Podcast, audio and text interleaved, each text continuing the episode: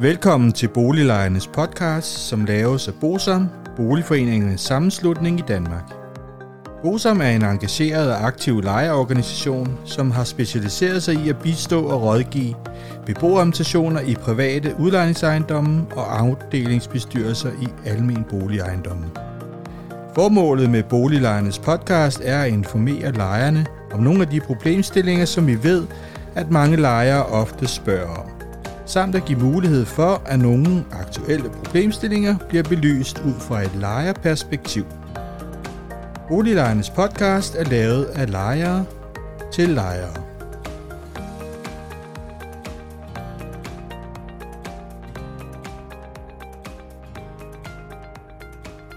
Velkommen til Boliglejernes podcast. Mit navn er René Su, og jeg arbejder i Bosom.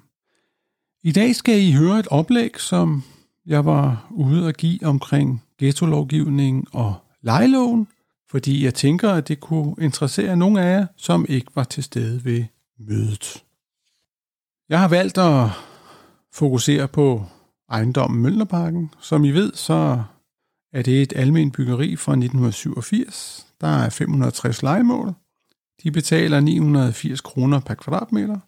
Det er en såkaldt hård ghetto, har været på ghetto-listen siden 2010. Lejerne de vedtog en helhedsplan i 2015, og så kom der jo en ghetto-lovgivning i 2018, hvilket betød, at boligselskabet og Københavns Kommune vedtog en udviklingsplan i 2019. Det, der så kommer til at ske, det er, at renoveringer og genhusninger, de sker i regi af helhedsplanen. Og udviklingsplanen betyder, at man skal reducere andelen af familieboliger til 40 procent. Københavns Kommune de har givet tilladelse til, at der laves en bygherreleverance, hvor bygherre er køber, hvilket medfører, at køber får indflydelse på, hvad Landsbyggefondens midler skal bruges til, og ikke mindst, at renoveringer sker momsfrit. Det, der også er interessant, det er, når vi skal forholde os til ghetto-lovgivningen og lejeloven, det er, at huslejenævnet har godkendt 6 paragraf 19 styk 3 sager. Det vil sige, at det er sager, hvor at huslejenævnet har givet tilladelse til, at lejlighederne bliver renoveret og udlejet efter paragraf 19 styk 2. Derudover så er 226 øh, verserende sager sat i bero, efter at de er blevet besigtiget. Og der er det jo nok rimelig væsentligt, at vi forholder os lidt til huslejenævnets kompetence.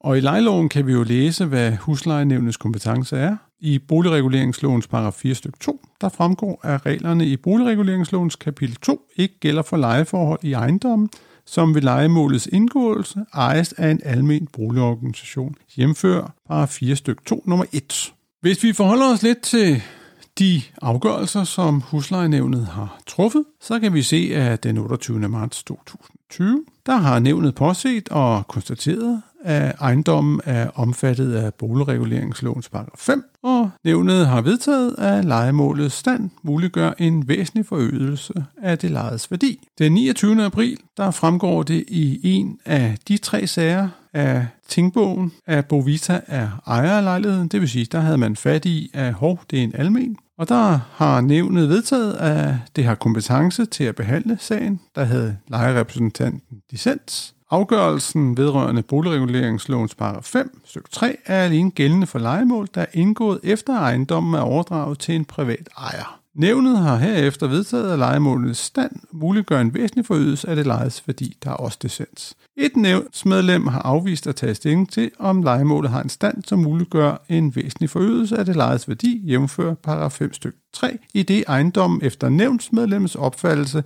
ikke er omfattet af reglerne i boligreguleringsloven. Den 9. maj, der har nævnet påset og konstateret, at ejendommen er omfattet af boligreguleringslovens paragraf 5. Nævnet har vedtaget at afvise sagen, i det legemålet ikke er omfattet af boligreguleringens paragraf 5 styk 3. Der har dissens. Et flertal i nævnet har imidlertid besluttet, at der ikke kan ske en gennemgribende renovering af legemålet, da der på nuværende tidspunkt ikke er opført en bygning på grunden. Et nævnsmedlem finder, at et nyetableret legemål beliggende i en ejendom omfattet af reglerne om omkostningsbestemt leje kan lejes ud efter boligreguleringslovens paragraf 5 styk 2. Og den sidste afgørelse, det er 14. juni 2022. Der fremgår det af tingbogen, at Bovita er ejer af lejligheden, det vil sige, at man har fat i, at det er en almen. Nævnet har vedtaget, at det ikke har kompetence til at behandle sagen, og der er licens.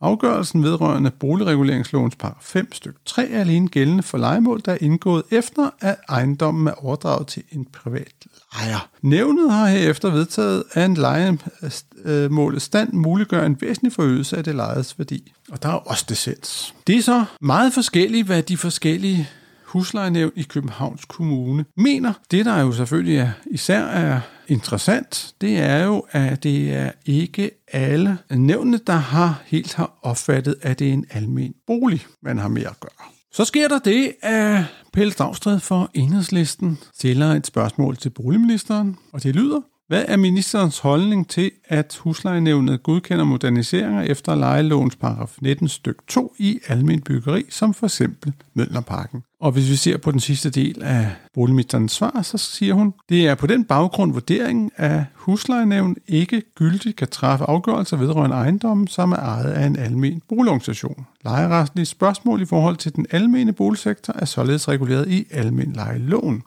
Det er derfor også vurderingen, at så fremt et huslejenævn har truffet afgørelser vedrørende ejendommen omfattet af almindeliglovens regler, vil disse være ugyldige, og der kan derfor ikke støttes ret på dem. Og det er sådan, at de sager står i dag. Og det er jo ganske interessant, hvad der kommer til at ske videre i denne sag, fordi vi har den situation, at huslejenævnet har truffet afgørelse omkring seks sager, og vi er jo selvfølgelig lidt spændt på, om disse sager bliver lavet om. Ifølge boligministeren, så er de i hvert fald ugyldige. Det har vi selvfølgelig herinde for Bosom selvfølgelig oplyst huslejenævnet om, men indtil videre ved vi ikke noget om, de bliver lavet om. Når man snakker ghetto-lovgivning og man snakker lejelovgivning, så er der jo også selvfølgelig en masse sidehistorier, som jeg kunne være kommet ind på. For eksempel kunne jeg komme ind på Kapitalfonden NREP Struktur. Det er jo NREP, de bliver jo brugt meget her i Københavns Kommune i forbindelse med ghetto-lovgivning. Og der er det da i hvert fald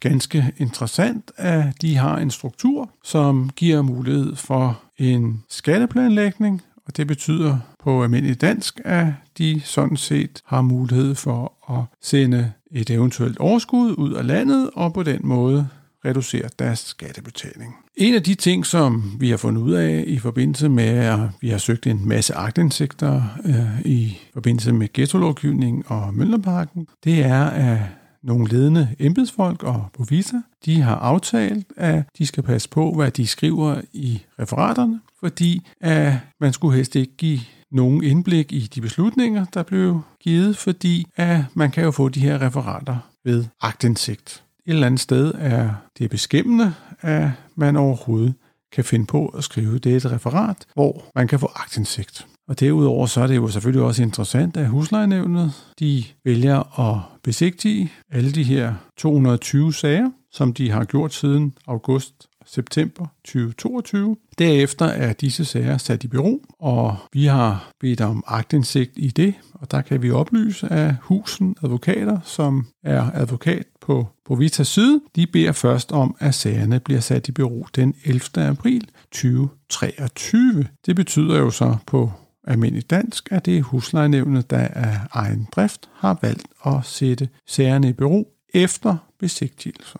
Man kan undre sig over, at de ikke bare på forhånd siger, at de ikke har kompetence til at afgøre disse sager. En sidste ting, som man godt kan forholde sig lidt til, det er øh, det manglende tilsyn fra Københavns Kommunes side. Vi har for eksempel oplyst borgmesteren og tilsynet med de almene boliger, at i forbindelse med at renoveringen af blok 1 i Mølnerparken er sket, så har man jo også renoveret for eksempel altanerne. Og der må vi jo sige, at i en hel del af de boliger, som lejerne er flyttet tilbage til, der er ikke rækværk op på altanerne. Der er sat et plastikbånd op på samme måde som hvis man skal afspære ved et vejarbejde.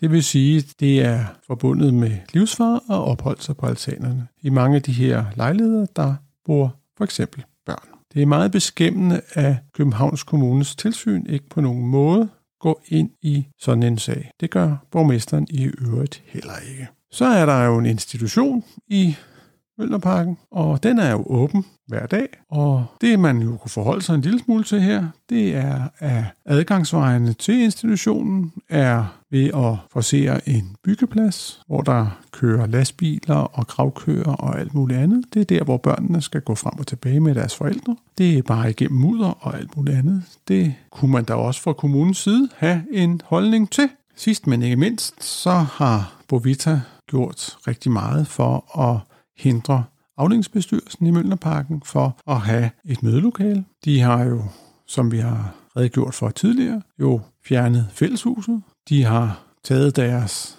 midlertidige lokale fra dem, og nu har de fået et nyt lokale. Men det her lokale, der er heller ikke nogen adgangsveje til, og der skal man også over en byggeplads for overhovedet at komme til afdelingsbestyrelsens lokal. Det betyder jo, at der er mange beboere, der er nødt til at opgive. Det er jo ikke helt nemt at forsere en byggeplads, hvis man er ældre eller dårligt gående for eksempel. Og det er ikke på nogen måde rimeligt, det der foregår derude efter vores opfattelse. Det var det oplæg, jeg holdt, og som I ved, så er det jo en opsummering af en del af de podcasts, som vi har lavet omkring ghetto-lovgivning i Mølnerparken. Efter at oplægget er afholdt, så har vi via en agtindsigt fået at vide, at huslejenævnet i København har besluttet at genoptage den første sag, så vi venter spændt på at se den nye afgørelse i den første sag.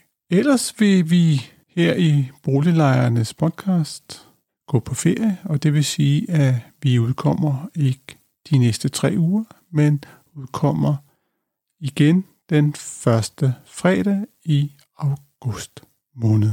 Og indtil vi høres ved, så må I have en rigtig dejlig sommerferie, og pas på jer selv derude. Hej hej. Hvis du synes om Boliglejernes podcast, vil vi blive rigtig glade, hvis du deler episoden med dine venner, og måske giver os en anmeldelse og nogle stjerner i iTunes, så vi derved kan komme ud til mange flere lyttere. Oplysningerne i denne podcast er udtryk for vores opfattelse af retsstillingen på nuværende tidspunkt. Men husk, at retsstillingen kan have ændret sig, når du hører denne podcast, da der kan være kommet ny lovgivning eller praksis på området. Den videre er vigtigt at være opmærksom på, at gennemgangen i denne podcast alene har været overordnet for at give et overblik og derfor ikke kan regnes for en udtømmende gennemgang af emnet.